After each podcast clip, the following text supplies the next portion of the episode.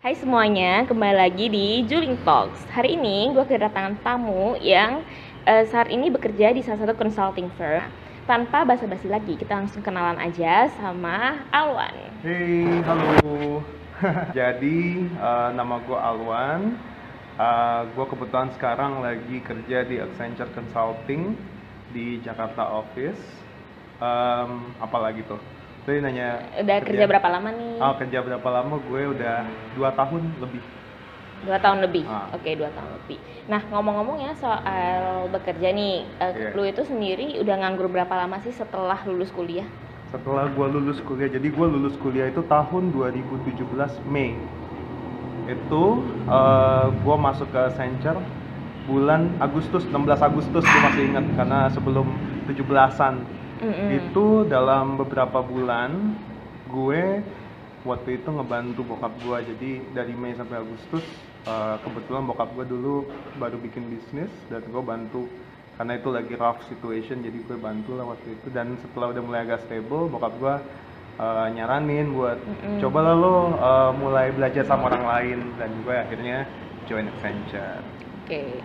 Nah, eh, ngomong-ngomong nih, eh, FYI, Alwan itu adalah salah satu mahasiswa berprestasi pertama ya di UGM. Em, ya Ya, di UGM. Hmm. Oke. Jadi Mapres dan saat ini dia bekerja di consulting firm yang namanya eh, Accenture Indonesia. Oke, eh, berbicara tentang Accenture Indonesia, kenapa sih eh, apa ya short story? Kenapa kamu memilih Accenture Indonesia sebagai karir awal setelah lulus kuliah? Oke. Em, waktu itu memang eh, ketika bokap gue akhirnya menyarankan buat belajar sama orang lain, akhirnya kan gue membuka diri untuk oke deh, it's time for apply for the job. Nah saat itu memang kebetulan dulu tarik beberapa tahun yang lalu waktu SMA, gue udah tahu apa yang gue pengen daftarin setelah gue lulus kuliah, which is gue pengen jadi consulting uh, management consultant. Oke. Nah, eh, jadilah akhirnya gue daftar teknik industri ketika gue kuliah. Karena gue tahu itu banyak ngajarin gue tentang manajemen approach eh, yang bakal bantu gue banyak nanti buat jadi konsultan dan menjaga agar eh, IPK agar tetap eh, 3,75 jadi gue bisa jadi good candidate. Itu Oke. dulu waktu dari SMA gue udah kepikiran. Dan ketika gue lulus aral melintang gue mesti ngebantu bokap gue it's okay. Tapi ketika bokap gue udah uh, support gue coba daftar consulting akhirnya Hmm. dan one of the reason why gue daftar Accenture uh, pertama kan ini lagi hot banget uh, digital transformation dan leading uh, company consulting yang nge-lead digital transformation globally ya itu masih Accenture so Oke. far Mhm. dan gue ngerasa ini good opportunity to belajar uh, modern approach of management di Accenture dan ketika gue masuk uh, gue tambah lagi poin-poinnya yang gue mencoba Mhm. yang gue merasa gue bersyukur karena compare to cerita teman-teman yang lain di Mhm. luar Accenture lebih bagus environmentnya untuk belajar jadi Hmm, ketika gue di dalam uh, kayak senior manager atau eksekutif di Mhm. atas gue uh, very supportive jadi gue yang masih istilahnya blow on uh, belajar belajar belajar belajar dan akhirnya di coach coach coach coach untuk Mhm. jadi lebih baik begitu bukannya dimarah-marahin atau di pressure gitu kan Oke. jadi uh, pressure ada untuk belajar dan Hmm. ketika gue butuh belajar gue pengen tahu lebih lanjut ada yang mau mengakomodir dan itu menurut gue uh, one of the good thing yang gue dapet di Accenture Hmm, Oke, dari tadi kan gue denger kan kayak eh, lu tuh sering mengaitkan dengan kata belajar gitu. Hmm. Nah kalau dari narasumber episode-episode sebelumnya itu memang learning curve tuh penting banget. Oh. Kayak selalu itu yang nomor pertama. Padahal kalau kita gue lihat, ganti nih jawaban gue biar gue beda gue nggak mau learning curve Oke. Tuh, tapi kalau eh, apa ya observasi dari millennials zaman sekarang ya, Oh, bisa dibilang Gen Z ya kali ya, Ah. Gen Z. Berarti setelah millennials ya itu ya, Gen yang adik-adik Hmm, hmm, eh, tahun berapa gitu yang akan lulus itu Yap. eh, semuanya itu aim for higher salary gitu. Pokoknya harus dua digit, kalau nggak dua digit langsung ditolak perusahaannya. Hmm, hmm, hmm, hmm. Nah, pandangan lu itu gimana tentang itu? Padahal learning curve tuh penting banget kan, kayak seberapa oke perusahaan kamu Hmm. kalau misalnya environment gak mendukung, maksudnya yang masih blow on gitu, mau Hmm. belajar tapi dimarah-marahin kan nggak nyaman juga. Hmm. Nah, eh, pandangan lu tentang eh, milen- eh, apa generasi yang semacam itu, pola pikirnya itu gimana? generasi yang semacam itu Hmm. oke Eh, Em, tough question Mm-mm. karena gue kebetulan tidak merasakan posisi itu kan Iya. ketika masuk consulting firm. Hmm. Eh, tapi gue banyak dengar dari eh, pandangan orang-orang terutama top eksekutif. Jadi memang yang sebagai user. Hmm. Kalau user-user itu kan terutama bokap gue juga bokap bokap gue kan usernya fresh grad dong. Oh ya oke. ya kan? Mm-mm. Dan beberapa eksekutif lain yang yang employ orang, eh, terutama millennials. Hmm. Eh, kalau orang yang pertama kali dan gue gue gue tarik lagi satu kat, satu satu gue recall ada satu pengalaman ketika gue baru masuk Accenture. Mungkin gue tarik yang ini aja deh, sama semuanya. Ketika gue baru masuk Accenture, final interviewnya, eh gue disodorin gaji, set begini. Oh, Oke, Oke kan? oke. Bukan pada saat offering malah. Oh iya offering final. Oh, Itu- final jadi, interview ya? ke- Oke. Kebetulan gue final interview juga dikasih offer waktu Oke, itu. terus?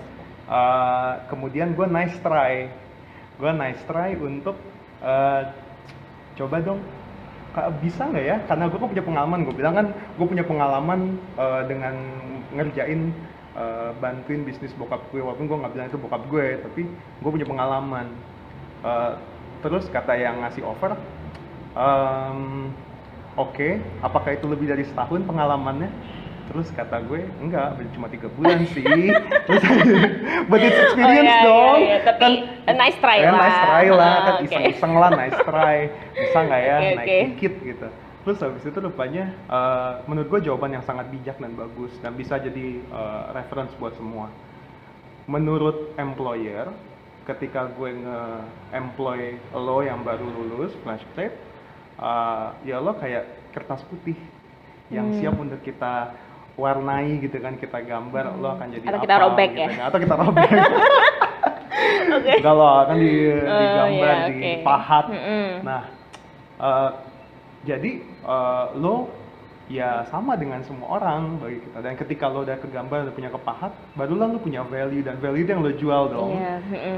Kan dan kalau misalkan lo ngerasa lo uh, worth untuk lebih daripada apa yang gue offer sekarang coba proof dong setahun kasih lihat gue apa yang lo punya dan kalau emang lo sesuai dengan apa yang lo omongin hari ini gue naikin gaji lo dan emang gue setelah setahun uh, dapat performance review dan emang uh, sepakat oke Alwan sesuai dengan apa yang dia jual Mm-mm, mm-mm. dan Alwan dapat adjustment kayak gitu kan. Dan Mm-mm, menurut mm-mm. gue it's a wise approach karena kalau lo lo pengen nuntut sesuatu ada dong something yang lo jual. Mm-mm. Kalau misalkan kita nggak punya apa-apa buat kita jual, kenapa kita mesti? nuntut? Hmm, Kayak gitu. iya Jadi, betul betul. Ya, Setuju setuju. It's a good experience dan good reference lah buat yang.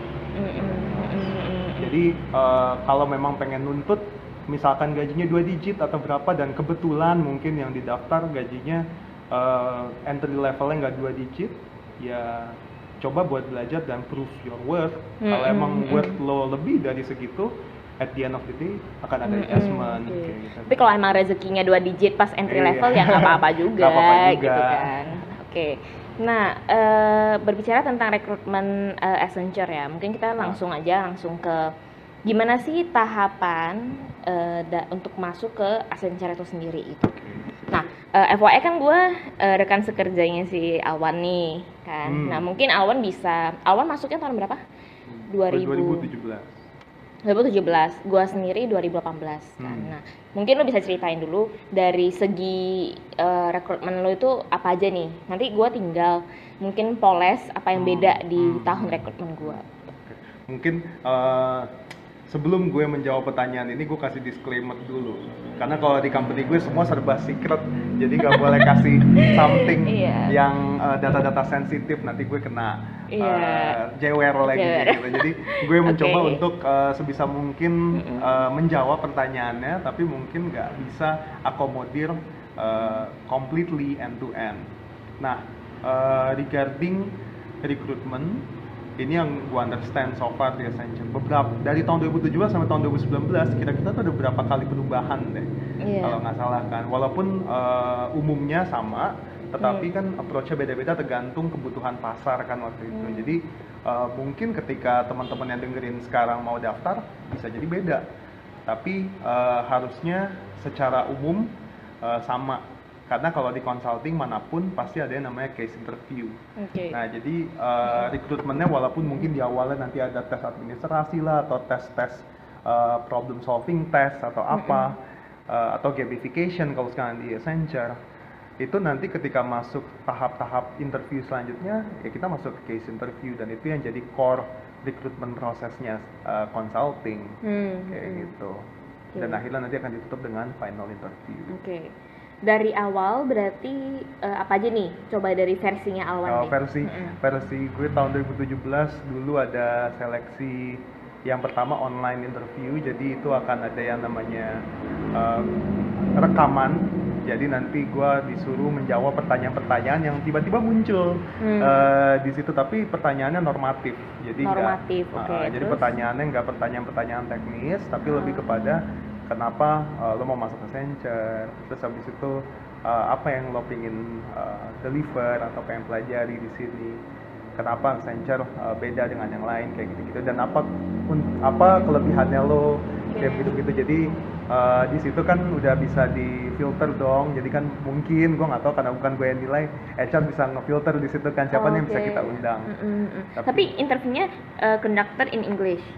conducted in English. Iya, karena banyak banyak apa banyak cerita-cerita gitu kan. oh iya karena Gimana tuh? mereka Inggrisnya nggak fluent, Hmm. jadi tiba-tiba mereka kayak yang bahasa Indonesia aja gitu tiba-tiba di video Hmm. interview. Jadi itu kan nggak boleh kan, karena itu kan multinational company juga kan. Iya sih. Uh, at the end kalau kalau kita nggak comfortable dengan Mm. misalkan ya, kalau misalkan kita dites kayak case interview atau bahasa Inggris, itu kan benar-benar yang yang dites itu gue belajar ini dari salah satu pembicara di YouTube yang gue dengerin tentang case Iya. interview. Uh, proses tesnya lo masuk kita masuk kerja kayak ngomong pakai bahasa Inggris atau case interview solving the problem itu sebetulnya bukan gimana kita nge-crack uh, tesnya tapi gimana kita comfortable dengan pekerjaan itu karena itu part of our job later kan Hmm, betul, ngomong betul. bahasa Inggris Hmm. uh, crack uh, solving the problem complex problem Hmm. kalau kita nggak comfortable dengan itu tandanya kita memang mendingan uh, coba cari pekerjaan lain yang bikin kita lebih comfortable Iya iya iya. Kalau emang tesnya aja udah nggak ini Iya. gimana gitu ya. jadi bukannya bukannya kita nggak mampu Hmm. tapi mungkin itu nggak cocok Oke, Kayak gitu. iya oke. Terus terus habis online interview, di online interview ada uh, tes eh bukan tes interview behavioral jadi uh, waktu itu pertama kali ketemu sama top eksekutifnya Accenture oke. one by one Mm-mm. buat Ditanyain uh, apa tuh? ditanya-tanyain tentang ya diri kita lah Oh. jadi uh, waktu itu siapa apa itu tesisnya waktu itu kan skripsinya Iya, kenapa terus? data Accenture Mm-mm. terus habis itu uh, terakhir dikasih kesempatan buat nanya this is uh, one of the good thing jadi Mm-mm. setelah kita di interview boleh nanya tentang Accenture tuh apa sih Uh, mau nanya apa aja terserah waktu itu Oke. hmm, Terus nanya apa nih? gue udah lupa sih dua tahun lalu Oke, tapi yang pasti oke. kan yang uh, Mm-mm. nanya tentang Accenture apa Mm-mm. sih bedanya dengan yang lain kayak gitu gitu jadi uh, to understand the industry better Tapi behavioral test berarti kayak HR interview. Hmm, mungkin mirip Ya mungkin Iya, mirip ya. ah. Oke oke. Ah. tapi yang kalau di sini di Accenture bukan HR yang interview tapi langsung top eksekutifnya Hmm, iya iya. Kalau gua dulu nggak ada behavioral test sih. oh nggak ada itu apa Gua langsung dari online interview, Hmm, terus langsung ke case interview. langsung ke case interview Iya, nggak ada behavioral lagi. Oh. Gitu. terus, habis pertanyaan eh, jadi gue yang nanya Oh iya. kemudian. Lu mau nanya apa? enggak terus pertanyaan dari lo kemudian apa lagi Oh iya, ya? iya, case interview, case interview. Oh, case interview. Terus habis itu case interview kan? Eh, iya, Habis case behavior, ya interview. sama. Kalau gua tinggal behavioralnya nggak ada, masuk Oh, case interview. oh, tandanya memang darling behaviornya bagus tandanya kalau gue case dia DPL behavior awan jelek. Harus dites lagi mesti gitu tes kan. lagi nih Nah. orang Ini masuk mahal nah ya udah jadi abis dari behavioral Mhm. test itu eh, dikabarin Alwan ada yang namanya assessment day kalau di Accenture tapi sebetulnya itu case interview jadi itu Iya. judulnya aja uh, Mm-mm. wrappingnya Itu kan sebenarnya kayak program HR-nya itu lah dalam rekrut kan. Oke, jadi terus, ya terus? itu satu hari kita di case interview Oke, boleh tahu nggak case interviewnya apa aja pertanyaannya? Em, ada dua waktu Mm-mm. itu. Yang pertama eh, itu tentang telco company. Mm-mm. Eh, jadi gue dikasih buku, Eh, dikasih buku tebel. Iya. Di situ eh, semua problem company-nya ada semua. Oke, terus Terus terus. gue baca di situ karena wow so many data kan, Uh-uh, overwhelm. uh-uh, Eh, ya gue diminta untuk coba buat eh, cari mana problem yang bisa kita Solve gitu. Solve. Terus terus.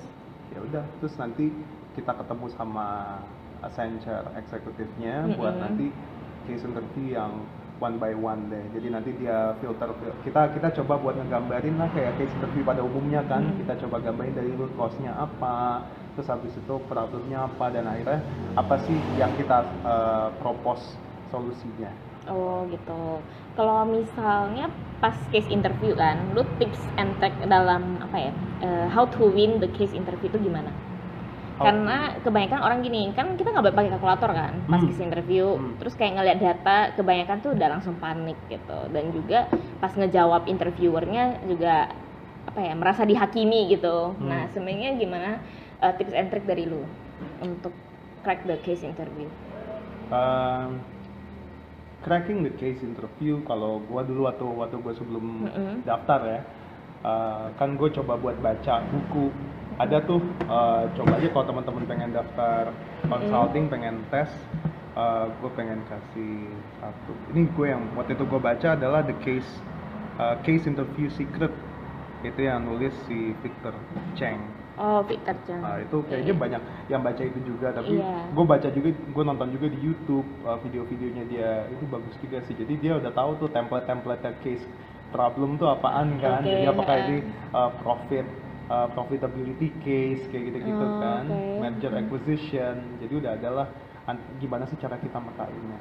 Tapi uh, sebetulnya ketika gue udah mulai masuk nih ke kantor dan gue udah mulai day to day ngerjain Mm-mm. case-case kayak gitu kan jadi makanan sehari-hari Mm-mm. sebetulnya uh, ada loh uh, approach yang bikin kita sebetulnya tanpa template juga bisa Hmm. yaitu kan kita pakai yang namanya stru- structured structured thinking Hmm. jadi ya memang apa pun kalau kita mau nyelesain masalah selalu harus terstruktur flow-nya tuh kayak gimana flow Hmm. tuh tandanya ya first uh, start with understanding the problem Hmm. terus habis itu apalagi uh, root cause-nya segala macam dan akhirnya nanti dengan benchmarking uh, case-case yang uh, apa uh, solusi-solusi yang udah ada di kehidupan saat ini Nah, itulah yang kita mau coba propose kayak Hmm. begitu. Jadi ya nanti coba baca-baca lagi ya tentang structure thinking. Tapi itu flow uh, gimana kita nge-cracking masalah. Intinya ya flow nge-cracking masalah itu lebih valuable daripada uh, quality of the solution. Iya iya. Hmm. Jadi kayak nggak benar nggak salah, Hmm. tapi lebih ke gimana cara kita secara terstruktur dapat solusi versinya kita Yap, gitu kan. Betul. Oke. Eh, terus ada tambahan lagi nggak lo kalau misalnya case interview? Kalau case interview, uh, apa ya? Menurut gua ketika gua udah mulai masuk kerja sih, Hmm. Uh, banyak-banyak baca berita ekonomi itu bagus loh. Sebenarnya Mm-mm. berita-berita kayak di se- boleh sebut merek ya? Kayak boleh. CNBC Ini nih ya. bebas bebas tanpa sensor. Kayak Oke. CNBC atau apa ya? Uh, gue baca Kompas pun juga ada Iya, aja. Maksudnya oke. baca-baca gimana sih uh, problem-problem uh, Isu-isu terkini isu-isu terkini gitu. dan gimana Mm. cara cracking masalahnya Oke. atau baca di Harvard Business Review juga ada kan di situ banyak banget dan Mm-mm. eh, dan apa aja sih inovasi-inovasi yang sekarang lagi diimplement sama bisnis kayak digital transformation apalagi kalau masuk ke eh, solusi-solusinya kalau ada kaitannya dengan digital transformation eh, lebih lebih seru kan karena kan itu yang kita coba kerjain. mm. Jadi harus sering baca koran ya, jangan sering baca Instagram. gitu. baca Instagram juga nggak apa-apa follownya follow follow koran Aduh, gitu. Oke. Oke, terus habis case interview lu apa? habis case interview eh, gue habis itu ada yang eh, case interview lagi yang kedua kan itu Iya. yang untuk grup Ah, eh, case sama-sama FGD lah, Ah, semacam kayak FGD case Ah. gitu kan. Heeh. kemudian setelah dari situ eh, dikasih tahu bahwa eh, lolos uh, dan akan diundang untuk yang final interview Oke. heeh. itu kan yang sama managing director Lu FGD sendiri itu bareng-bareng sama teman yang lain berapa orang? uh, tujuh orang delapan orang Oh, tujuh orang apa orang? Satu grup. apa li- lima orang ya lima orang sampai tujuh orang lah Oh, itu, satu kayak- grup? satu grup Pak. Oh, terus berantem gitu nggak? Atau lu gimana nih kayak how to win the FGD? how to win the FGD Mm-mm. Hmm. Menurut gua sih ya, pribadi ya nggak tahu nih kalau HR mikirnya kayak gimana tapi kalau gua pribadi uh, the most important thing adalah kita contribute ke dalam the group. Mm-mm, mm-mm. bukan gimana kita ngedrive the group kan. Mm-mm, ketika mm-mm. kita punya something to contribute kayak contohnya uh, kita understand the problem terus kita tahu apa sih solusi yang tepat buat cracking the problems akhirnya kan grup bakal follow Betul. jadi kan tanpa kita maksa orang-orang Iya. buat uh, kita yang ngedrive eh teman-teman ini kayak uh, solusi yang bagus apa ya daripada lo memodera- memodo- moderatori Nah, uh. FGD-nya uh, ya lo jadi narasumber utama lah kalau Iya. misalkan emang bagus atau kalau lebih bagus lagi lo mau moderatori dan lo jadi narasumber Sumber utama Iya iya betul betul. Tapi kita nggak boleh terlalu dominan gitu ya. Kayak Ya, dominan pada akhirnya ketika lo punya kontribusi yang bagus lo dominan karena orang ngelihat kan bahwa oh ya lo punya Ya, solusi yang oke, bagus oke, oke. dan orang nggak ngerasa lo ambis karena emang solusi lo Interview terus apa nih?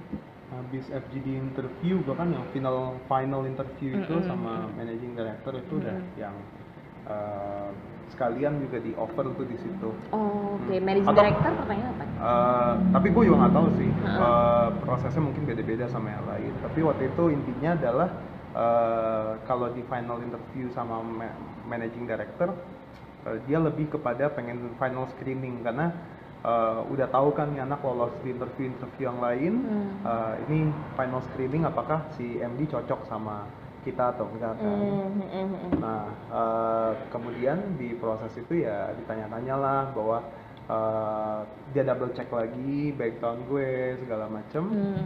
Terus habis itu eh, yang gue ingat sampai sekarang adalah eh, making sure. Eh, jadi making sure apakah eh, Awan, are you sure lo mau join Accenture dengan segala working hour dan Oke, segala oke, oke. eh, pekerjaan-pekerjaannya gitu Oke, kan mm-mm. ya ya yang gue inget adalah juga yang kerjaan lo baru masuk eh, nggak cuma nggak cuma pakai baju keren ketemu klien lo ada juga ngerjain deliverables kayak gitu-gitu Mm-mm. kan. Ya it's part of your job kayak gitu. Iya, jadi ya eh, dia making sure lo comfortable nggak dengan pekerjaan-pekerjaannya. Dikasih tahu lah pekerjaan-pekerjaannya apa aja dan gue bilang gue gue comfortable eh, gue suka segala macem dan eh, managing directornya oke. Lalu terakhir eh, gue dikasih eh, ini deh eh, offernya oke nih ini offernya kayak gitu. Hmm, Oke. Terus akhirnya menerima gitu. I'm Eh, sure gitu. Eh, gua gua jual mahal dong kan gua ambil dulu kertasnya Oh, iya iya, saya iya. pikir-pikir Oh, dulu iya. gitu Padahal mau udah mau tangan. Oke. parah parah. Oke. Nah, ini ada satu hal yang menarik. Tadi kan lu bilang working hours gitu kan. Nah, berbicara tentang consulting, itu banyak banget kayak orang-orang yang bilang, "Eh, kayaknya apa deh kalau consulting tuh su- tidurnya cuma berapa jam gitu." Kadang menurut gua ada yang hiperbola lah gitu kan. Nah, menurut lu gimana nih time management as a consultant Hmm. biar kita tetap ada work life balance gitu. Oke. Kan nggak mungkin ya tiap hari lu cuma tidur satu jam gitu. Kalau ini disclaimer lagi karena Mm-mm. banyak yang lebih senior dari gua di pekerjaan ini Oh, oke. kalau denger ih masukannya awan gak relevan nanti Oh, gue ketawain Oke, tapi ini posisi, Iya, posisi as a fresh grad yang masuk pertama kali di Iya. consulting firm. Um, kalau gue waktu itu memang punya prinsip bahwa uh, gue sebisa mungkin beda-beda sih kalau orang-orang ya Hmm. tapi sebisa mungkin uh, gue kalau dikasih kerjaan kalau bisa diselesaikan waktu di working hour gue coba gue selesai di working hour. Jadi di jam-jam siang lah working hour kan jam-jam siang nih jam ketika di klien kalau memang misalkan nggak bisa selesai di jam segitu ya udah dilanjutin malamnya gitu kan. Tapi eh, semuanya bisa diatur. Maksudnya eh, lo mau tidur ya tandanya lo cepetin lo selesainya cepetin gitu kan. Atau Iya, betul. kalau misalkan lo mau tidur lo udah pasin nih tidurnya jam berapa jam eh, ya udah tidur dulu nanti bangun ya lo make sure lo selesai kayak gitu Iya, kan iya, iya. menurut gue yang bagus dari consulting adalah lo nggak terpaut sama waktu atau mungkin ini plus minus ya mungkin berapa Iya, orang nganggap iya, ini iya. minus tapi kalau Justru nggak terpaut sama waktu, bebas. Bisa tidurnya nggak terpaut Iya. juga gitu Maksudnya kan. nggak terpaut dengan waktu adalah lo ya selesai yang penting kan kerjaannya kan Hmm, oke. di mana pun kapan pun ngerjainnya asalkan lo nggak ketemu klien lo bisa ngerjain di tempat lain kok Hmm, Kayak gitu. jadi oke. Gue bisa deliver nah cuma balik lagi ke time management Hmm. eh, semua pilihan menurut gue jadi eh, gimana lo mau ngerjain itu cepet eh, kalau lo nggak ngerti lo langsung nanya langsung escalate Hmm. Eh, jadi lo nggak nggak nambah nambah nambah lo nggak ngerti jadinya nggak selesai semua Oke. dan kalau misalkan lo udah punya lo udah mastering your kerjaan nih job lo udah master uh, lo mau nambah lagi challenge challenge yang lain make sure lo udah lo udah comfortable dengan kerjaan utama lo baru nambah kerjaan yang lain Oh, contohnya gitu. Uh, pengen jadi panitia event di Hmm. company atau waktu itu gue kesempatan juga tahun 2018 uh, gue jadi pro bono uh, consultant jadi sem- sembari gue mengerjakan commercial project gue gue ngerjain pro bono consultant eh pro bono project jadi gue ada dua kerjaan uh, tapi working hour gue sama aja gitu Iya, kan oke. ya akhirnya gue terpaksa buat ngerjainnya pagi gue ngerjain commercial project sampai sore malamnya sampai pagi lagi kalau misalnya mesti sampai Iya, pagi gue iya. ngerjain yang pro bono Oh, oke. tapi itu pilihan kan Iya betul jadi betul. ketika gue udah nyesai itu ya gue juga biasa lagi gitu. Hmm, dan uh, make sure uh, udah mastering gitu. Oke, tapi it depends orang-orang ya. Kalau misalnya ada yang memang sukanya gabut, ya gabut aja gitu kan. Bisa. Kalau memang kalau kebetulan Alwan kan anaknya eh, hyperproduktif. Jadi apa pun semua diikutin gitu kan. Nah, tapi kalau misalnya apa ya? Kalau lu tidurnya sendiri berapa jam? Uh, gue Iya, tidur berapa jam? uh, gue gue mencoba gue, gue udah berapa gue udah gue udah mensimulasikan beberapa jam tidur Mm-mm. Uh, gue paling suka eh, gue paling suka tidur 6 jam Oh, 6 jam. Iya, Oke, enam oke, pas pas pas lah 6 jam. Iya, Oke, enam oke, masih masih work life balance kok, ya kan? Kerja di work life balance lah Iya oke. Oke, eh, tapi ini ya, nah eh, talking about being consultant itu kan banyak eh, dealing with clients ya, nah, bertemu dengan clients. Nah, gue pernah buat question box gitu kan di Instagram. Nah, salah satu apa ya, hmm, salah satu kendala orang dalam workplace itu adalah dealing with difficult clients. Menurut lo, eh, as a consultant, gimana sih caranya kita bisa eh, deal with difficult clients tadi? Atau nggak usah difficult, mungkin clients gitu, in gue baru general. kepikiran nih caranya pertanyaannya baru muncul nggak ada nih kemarin Oh, kan iya, tapi iya. gue kepikiran jawabannya yang bagus Oke oke. buat students kan nih pendengarnya kan Iya iya. lu coba ngebayangin dosen Mm-mm. Oh, ada beberapa tipe dosen kan, dosen yang Iya. baik, dosen yang uh, mungkin uh, lebih kritis kayak gitu kan. Gimana sih cara ngehandle-nya? Nggak sama kan. Hmm. Dan uh, lo butuh uh, waktu untuk observe. Itu yang paling penting dan Accenture ngajarin kita ketika kita masuk itu adalah observing social uh, Style. style. Jadi kan gimana sih karakternya orang-orang tuh kan beda-beda Hmm. dan gimana cara approach-nya. Oke. Jadi nggak ada tuh menurut gue namanya klien yang susah atau gampang tapi gimana approach-nya kita sama orang itu dan at the end kalau cocok ya sama aja kayak nyolokin saklar kan Iya jadi iya kan betul betul. Kalau Atau buka misalkan- pintu. nggak tahu buka pintu Kuncinya Iya, harus pas. Mm-mm, jadi Oke. uh, coba aja kalau misalnya teman-teman students uh, sekarang pengen understand gimana sih cara uh, facing client uh, coba aja ketemu sama dosen Hmm. dan gimana cara ngobrolnya sama mereka Iya. beda kan coba aja uh, tanyain coba observe tentang uh, pengalaman sekolahnya ketika S2 ceritanya teman-teman pengen belajar uh, S2 Hmm. tapi pengen nanya sama dosennya nah dosen ada dosen yang kritis ada dosen yang uh, banyak ngomong ada uh, yang sedikit ngomong nah itu Iya. coba aja samperin nah cara approach-nya pasti beda-beda dan teman-teman akhirnya tahu uh, gimana sih cara approach-nya sama kayak klien Betul betul. Kayak kita harus memahami lah gitu lah ya. Memahami. Karena beda-beda orang ya beda-beda pendekatan gitu. Iya. Jadi bukan salah orang itu, tapi Iya. bagaimana kita adaptasi diri Iya. gitu ya. Oke. Oke. Nah, oke pertanyaan. Eh, are you happy with your job now? Uh, yes I'm Oke. happy with my job Oke. Nah, berbicara tentang happy atau enggak, ceritain dong suka dan duka lu selama di Accenture tuh apa? suka dan duka Iya. Gak ada di listnya lagi nih gue masih mikir suka dan duka ya Ah, Eh, kalau suka gue gue jujur gue suka dengan environment. Dan memang eh, ini dari senior senior gue yang di Accenture pun juga eh, yang pertama kali ngomong dan gue mengiyakan ketika gue udah menjalaninya Mm-mm. Accenture kekeluargaan banget. Mm-mm, jadi kan setuju eh, banget. sama Iya. senior nggak ada gap. Terus Iya, habis betul, itu betul. kita bisa reach out sama managing director ngobrol segala macam. Kita minta tolong. Dan coachingnya mentoringnya itu kerasa banget karena gue ketika di Accenture sekarang aja maksudnya gue udah ngerasa gue udah beberapa mentor dalam pekerjaan gue Hmm. uh, di project A, di project B, di kerjaan kantor yang lain dan di situ gue mendapatkan coaching yang Hmm. yang bagus banget jadi environmentnya uh, super friendly dan Oke. super Mm. encouraging Mm-mm, mm, bener banget Du- Oke. terus dukanya iya duka uh, dukanya terlalu banyak suka Iya. Males banget. Oke. Oke, ya. Beneran nih? Enggak. Ah, bohong. Masa nggak ada duka di kerjaan? Maksudnya kayak apa gitu? duka enggak lah gue mah happy ya. Happy gitu ya. Lu sekarang eh, di lu udah rotasi berapa project sih selama jadi consultant? Uh, rahasia dong Berapa project doang? Oh, berapa project Iya. doang? Uh, beberapa project project project ya tuh dua tiga empat Mm-mm. lima deh Lima project ya. Project, Oke. ah. Nah, memang eh, dari project-project itu lu pasti belajar banyak industri ya pasti ya. Uh, ya different different industry different client Eh, industri kalau sorry kalau di garis bawah industri kebetulan sama karena Oh, gue dalam oke. satu industri yang sama kan Oh, Oke oke, cuman uh, Ah. apa ya beda pro cuma beda beda environment beda problem Oke. beda case Nah, kalau beda project, it means that uh, setiap kali lu masuk project baru lu harus belajar lagi dari awal. Uh, not necessarily Mm-mm. ada yang bisa kita pick up dari sebelumnya, uh, tapi sebelum- kebanyakan kayak new things lah gitu kan, New yang things. kayak mungkin di pasar pada saat kuliah kita nggak pernah belajar. Yup.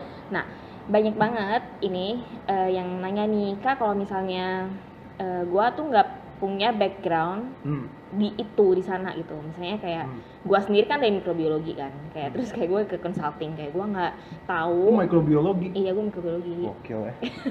gak nyambung kan Nyambung lah. Consulting itu kan umum. oh consulting kan umum Iya. gitu nah cuma ada yang kadang apa ya takut gitu fobi eh, takut tentang eh, takut nggak bisa keep up pada saat di pekerjaan gitu Eh, apa nih saran lu maksudnya kayak advice lah untuk eh, eh, fresh grad yang takut akan itu Um, advice ya. Kalau gue sebetulnya uh, sepakat sama sepakat sama Darling karena atau itu tadi masukan dari orang-orang ya, concern Iya, orang-orang ya. eh concern orang-orang ini suara eh, suara masyarakat. gue Iya. sepakat sama semua orang karena memang uh, ketika kita masuk ke lingkungan baru pasti kita uh, ada aja something yang perlu dipelajarin kan. Betul. Yang pertama sih jangan ngerasa pinter walaupun kita pinter. pinter gitu. Oke oke, jangan merasa pintar walaupun pintar. Oke. karena karena pasti ada something yang bisa di pick up Hmm, dan oke. uh, dari situ kayak kalau mau belajar uh, banyak sumber sumber uh, sumber untuk belajar resourcesnya nggak cuma dari buku atau dari online uh, dari Google ya gue banyak banget maksudnya sampai sekarang pun orang-orang yang senior yang gue lihat uh, deliver di consulting pun masih banyak yang nge-google juga kan karena kan banyak terms-terms baru yang Iya, sekarang betul. masuk tapi uh, coba untuk juga mau belajar sama yang uh, uh, senior kita di kantor. Dan gue bela- banyak belajar sama senior senior gue. Kalau misalnya gue mengerti something gue langsung langsung escalate. Hmm. apa sih maksudnya? Dan kalau misalnya itu terkait dengan sesuatu yang teknis uh, kayak contohnya nih uh, gue teknik industri. Hmm. itu background gue. Tapi kerjaan gue uh, mostly most project gue itu berkaitan dengan finance and accounting. Jadi Iya. uh, gue belajar uh, penjurnalan segala macam debit kredit itu dari nol. Hmm. dan gue belajar lagi nggak nggak dari nol banget sih. Waktu teknik industri ada pelajaran akuntansi. Tapi gue coba pick up uh, pelajarannya sebisa mungkin dari resources yang ada umum gitu kan. Dan dari kebetulan kalau di Accenture ada dan consulting lain setahu gue juga ada yang namanya e-learning. Hmm. kayak kalau di kampus. Nah Kayak e-learning- Google-nya ah, perusahaan kayak- itulah ya. Betul. Nah, semua macam training tuh di situ ada buat gratis. Dan itu uh, keep practicing dan belajar lagi dan Mm-hmm. karena kalau di consulting kalau gue lihat bukan dari gue gue ngeliat di atas atas gue uh, yang tadinya lo ngerjain finance accounting besok bisa aja ngerjain supply chain kayak gitu, Iya. kan udah something yang baru yang bisa dikerjain dan uh, yang di pick up adalah ya knowledge uh, nggak cuma knowledge practical ya tapi lo memang uh, solving the problem secara umum Hmm. jadi kalau misalkan mau ngerjain yang uh, teknisnya mesti pick up lagi Iya benar-benar. Yang penting ada kerendahan hati untuk belajar gitu ya. Hmm. Jadi kayak jangan apa jangan berhenti belajar. Jangan. gitu. jangan berhenti belajar. Oke. Nah eh, berbicara tentang karir lo di Accenture, apa sih survival tips dalam professional life? survival Tips gimana biar bisa bertahan hidup bertahan di tengah goncangan dan badai yang ada gitu. Em, kalau gua eh, selalu selalu coba buat kembaliin lagi kalau misalkan gua merasa oh kok ada tekanan kok ada eh, kok susah atau Hmm. kok eh, kok gua stres kayak gitu gue Oke. selalu balikin lagi ini learning opportunity Hmm. jadi eh, selalu gue pengen belajar eh, sehingga nanti gue bisa comfortable dengan kerjaan gue yang baru gitu karena eh, ketika dan ini pun juga yang gue lihat gue pernah gue pernah denger ses ini line ini gue lupa dari siapa senior ketika lo eh, sekarang dapat kerjaan nih level 11 misalkan. Terus eh, lo ngerasa susah. Itu tandanya lo lagi learning Iya betul Ya kan? betul. Kalau nggak susah mah nggak kalau nggak learning. susah nggak learning. Iya iya iya. Nah, ketika lo udah ngerjain itu berapa lama nih, 3 bulan, 4 bulan, kok jadi gampang ya? Gue tutup mata selesai. Itu Mm-mm. tandanya lo nggak learning lagi. Hmm. Lo butuh challenge baru kan, ditambahin lagi. Yang tadinya ngerjain satu eh, interview misalkan disuruh ngerjain 2 sampai 3 interview dalam waktu sekaligus. Hmm. Atau dengan deadline lebih kecil. Itu kan Hmm. tadi lo ada challenge baru dan lo stres lagi tuh atau pressure lagi, aduh susah nih. Nah ketika lo ngerasa "Eh, ini susah, tandanya lo belajar lagi kan. Oh Iya, ini gue nambahin lagi learning curve gue naik lagi nih. Jadi Iya. eh, ketika kita merasa kayaknya gue nggak survive, itu sebenarnya lagi belajar. Iya, oke oke. Jadi tergantung persepsi orang ya. gitu Persepsi. ya. Keep being positive. Nah, eh, oke, kayaknya ini terakhir deh. Nggak ada pertanyaan-pertanyaan dari pendengar setia kita. Nggak, belum Ada bukan yang Gen ini, belum belum Gen ini. Oke, Eh, pertanyaannya mungkin ini. Oke, milenial kan sekarang, eh, lu kan udah kerja dua tahunan ya? Iya. Lu udah kerja dua tahunan. Nah, apa pandangan lu terhadap millennials yang job hopping? Job hopping. Oh, belum setahun pindah belum setahun pindah. tiga bulan pindah Oke.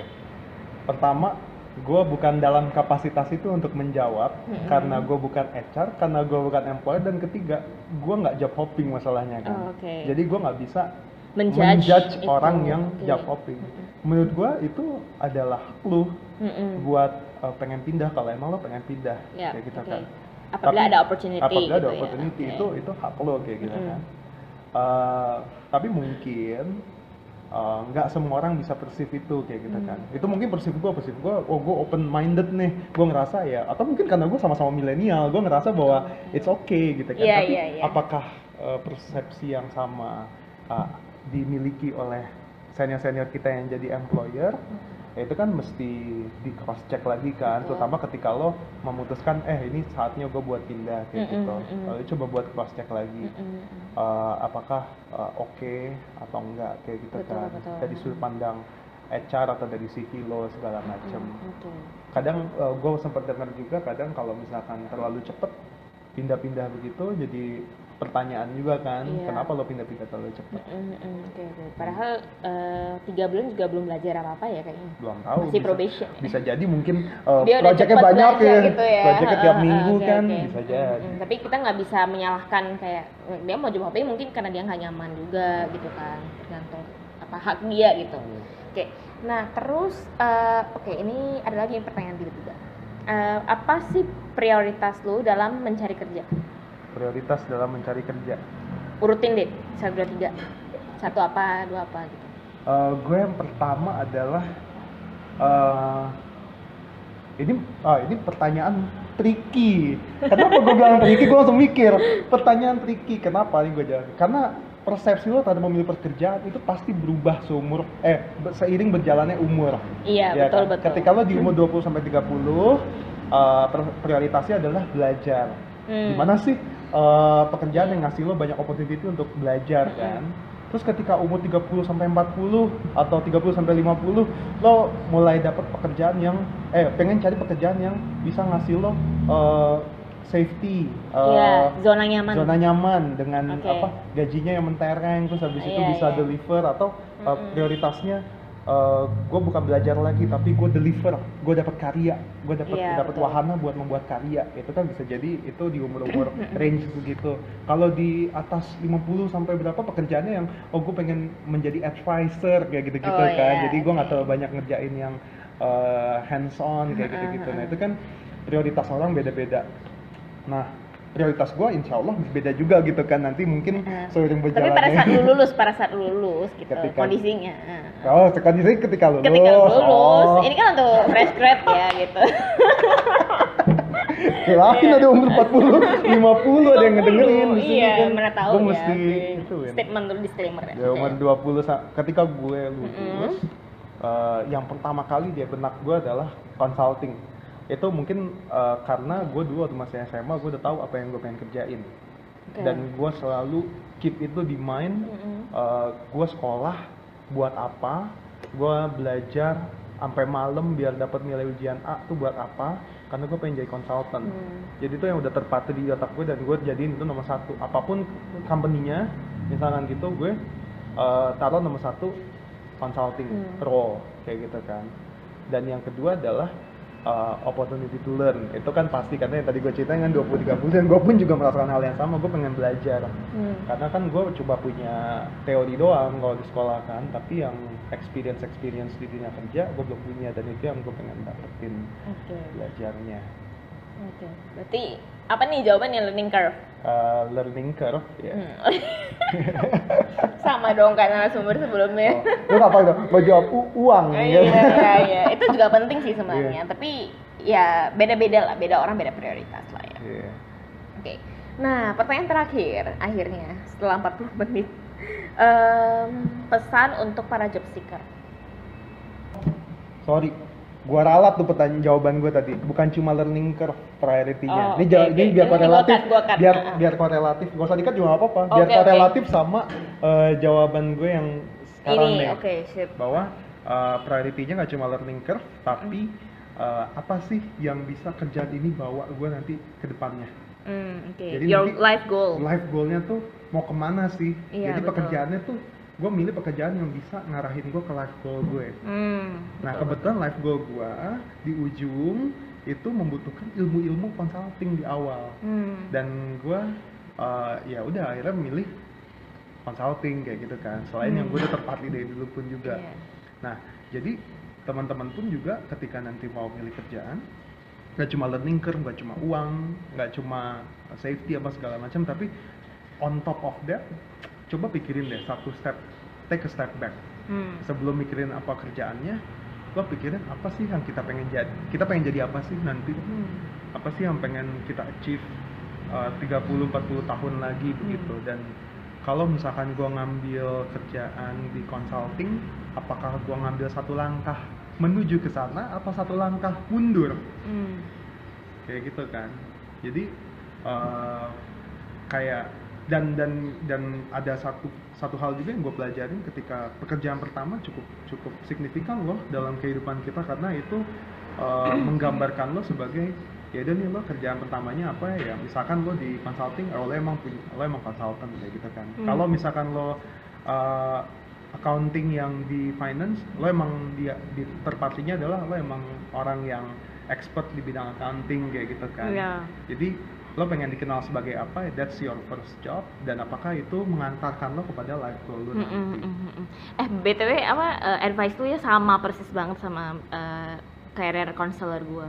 Karir konselor Eh, bukan- eh, bukan. gue karir konselor lu jangan-jangan Oke, bukan career counselor, mentor gua. Oh, Jadi iya. supervisor gua di proyek pertama gua. oh iya Dia sering banget coaching gitu kan, terus kayak dia gue udah nanya. cocok jadi proyek udah, supervisor udah, udah cocok cocok. Oh, iya, sama banget. Pokoknya kita tuh harus nge-mapping life goal kita apa gitu. Jadi Iya. kayak jangan sampai kerjaan kita abisin waktu kan. Ini kan tiap hari 8 jam sehari jangan sampai abisin waktu enggak gue ngejelasin ini kenapa karena ini ini ceritanya mungkin nggak nggak nggak terlalu signifikan ke gue karena gue kebetulan gue daftar consulting gue dapet ini gue coba ceritain sedikit tentang adik gue yang Oke. kedua dia accountant lulus accounting terus uh, dia kebet- ya menurut gue dia lebih berprestasi dari gue karena dia jadi uh, asdos banyak segala macem Mm-mm. dan internnya lebih banyak daripada gue Mm-mm, lebih ambis Iya lebih ambis lah. Dan dia dapat offer uh, beberapa Mm. offer. Mm-mm. Tetapi offer yang dia pengen dan menurut dia ini akan dapat ke life goals dia itu dia belum dapat oke at that moment. Nah, terus dia uh, dapatlah offer ini yang nggak sesuai dengan keinginan dia. Tapi lingkungannya nih kayak orang tua segala macem uh, ngerasa bahwa eh ini kan uh, lu dapat kerjaan, udahlah secure it kayak gitu kan, dapat kok dan gajinya oke kok segala macem gitu kan, multinational company.